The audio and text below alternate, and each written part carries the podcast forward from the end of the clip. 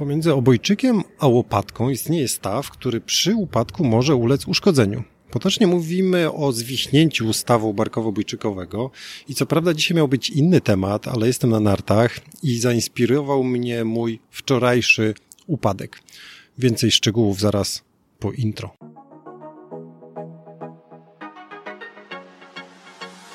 Witam Cię bardzo serdecznie w osiemnastym odcinku podcastu Ortopedia Moja Pasja. Ja nazywam się Michał Dringa, jestem ortopedą, a w podcaście omawiam problemy ortopedyczne, pokazuję jak pracuję, czym kieruje się, proponując konkretny sposób leczenia oraz jakie są jego alternatywy i możliwe powikłania.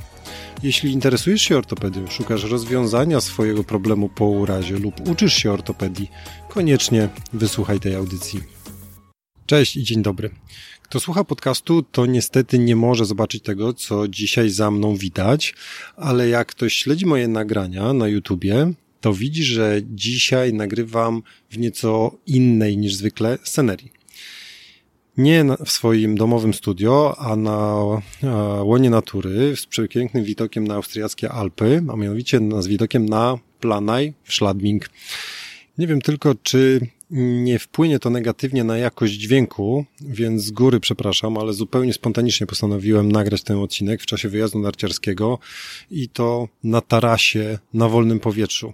A co więcej, bez całego tego sprzętu, który normalnie wykorzystuję. Co mnie skłoniło? Przede wszystkim, jak już wspomniałem we wstępie, mój wczorajszy piękny upadek na śniegu. Głupia sprawa, bo jeszcze w cztery odcinki temu, to jest w czternastym odcinku podcastu, tłumaczyłem, jak ważne jest, aby trochę na sucho wyrobić sobie pewne nawyki co do upadania i proszę bardzo, cała ta wiedza i umiejętności się od razu przydały. Jak to się stało? Scenariusz jakich tysiące. Druga połowa dnia, ciepełko, śnieg mega mokry i trasy już mocno zmuldzone. Jedną z takich mult oczywiście źle oceniłem, no i narta złapała krawędź i, no i poleciałem.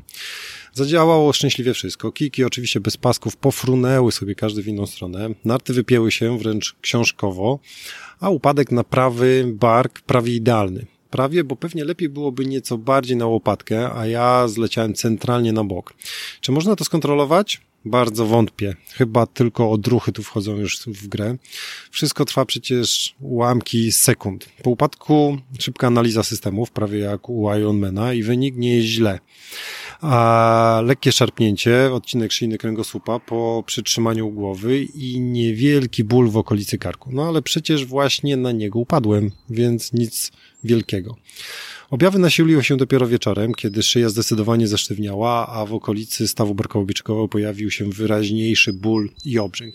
I tak właśnie wpadłem na pomysł nagrania dla Was odcinka na gorąco po urazie. Odcinka o stawie barkowo-ubójczykowym. Zanim jeszcze o samym stawie barkowo-bojczykowym, spróbujmy przeanalizować, co jeszcze ciekawego mogło się stać przy takim upadku. Wymieniłbym tutaj złamanie obojczyka jako efekt jego kompresji między łopatką a mostkiem, uszkodzenie stawu mostkowo-obojczykowego, stosunkowo rzadkie rozpoznanie, ale no możliwe, e, więc należy o nim pamiętać. Złamanie głowy kości ramiennej lub złamanie podgłowowe to raczej albo przy upadku na całkowicie twarde podłoże, a nie tak jak, na, jak ja na śnieg, lub e, u osób z bardziej zaawansowaną osteoporozą, czyli może trochę starszych z kolei niż ja. Złamanie guzka większego kości ramiennej, tak, to mogłoby się stać, podobnie zresztą jak zerwanie przyczepu ścięgna mięśnia nadgrzebieniowego. W obu tych urazach poszkodowany nie będzie w stanie przede wszystkim odwodzić ręki. W moim przypadku doszło do stłuczenia stawu barkowo-bojczykowego, co objawiło się wieczorem miejscowym bólem i obrzękiem właśnie nad tym stawem. Skąd wiem, że nie doszło do zwichnięcia? Ano w 100% nie mogę tego wykluczyć, bo stopni, czy też może typów zwichnięcia mamy 6 i w pierwszym oraz drugim typie, pomimo częściowego uszkodzenia więzadeł, nie dochodzi do trwałego przemieszczenia obojczyka względem wyrostka barkowego łopatki. Czyli nie stwierdzamy tak zwanego objawu klawisza. Przypomnę, że objaw klawisza jest wtedy, kiedy obojczyk wystaje zdecydowanie poza obrez barku i naciskając na niego, jak na klawisz, możemy wcisnąć na miejsce, redukując jednocześnie zwichnięcie. Problem w tym, że kiedy puścimy obojczyk z powrotem, on z powrotem przemieści się. Przypomina klawisz? Przypomina. Aby powstał objaw klawisza, muszą uszkodzić się więzadła, które go stabilizują. Są to więzadła, które biegną od obojczyka do wyrostka kruczego, czyli więzadła kruczo-obojczykowe.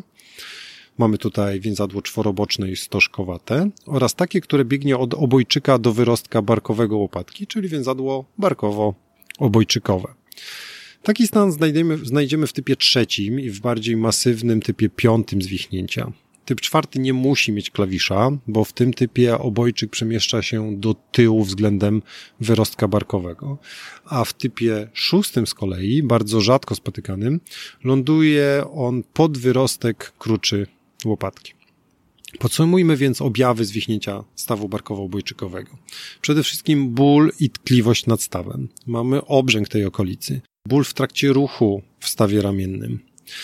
Objaw klawisza, kiedy wystający koniec obojczyka można wcisnąć na miejsce palcem. I pamiętamy, że po zwolnieniu odcis e, z ucisku obojczyk ponownie odskakuje. Zazwyczaj dokładnie zebrany wywiad oraz badanie lekarskie wystarczają do postawienia prawidłowego rozpoznania. Dodatkowo zawsze wykonujemy badanie RTG, koniecznie obu wstawów barkowo-obojczykowych, w celu oceny stopnia przemieszczenia. Zdjęcie RTG pozwala również na wykluczenie ewentualnie towarzyszących innych patologii i innych złamań kostnych. Uraz pierwszego stopnia leczy się zachowawczo. Zaleca się odpoczynek, przykładanie lodu, używanie łagodnych środków przeciwbólowych oraz krótkotrwałe unieruchomienie w temblaku. Ważne jest tutaj jak najwcześniejsze już wykonywanie zakresu, ćwiczeń w pełnym zakresie ruchomości i stopniowy powrót do aktywności sportowej.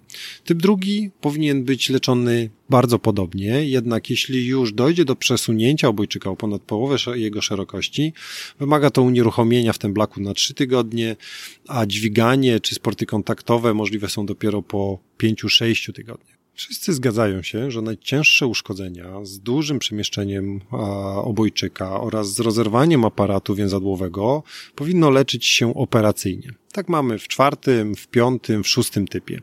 Najwięcej wątpliwości co do leczenia dotyczy typu trzeciego, kiedy to więzadła są uszkodzone, a przemieszczenie obojczyka umiarkowane. Leczenie zachowawcze w takim przypadku przeważnie daje wyniki satysfakcjonujące u osób, które nie są zbyt aktywne, a u nich nie pojawiają się żadne dolegliwości bólowe w czasie wykonywania czynności dnia codziennego. Sportowcy jednak powinni być potraktowani specjalnie. Oni po leczeniu zachowawczym mogą mieć dolegliwości, w czasie mocnego obciążania stawu, na przykład w czasie rzucania oszczepem oraz e, mogą być narażeni na rozwój zmian zwyrodnieniowych stawu barkowo-czekowego w przyszłości. Sposobów leczenia operacyjnego jest wiele można zaryzykować stwierdzenie, że każdy ortopeda ma inny pomysł na leczenie tej patologii.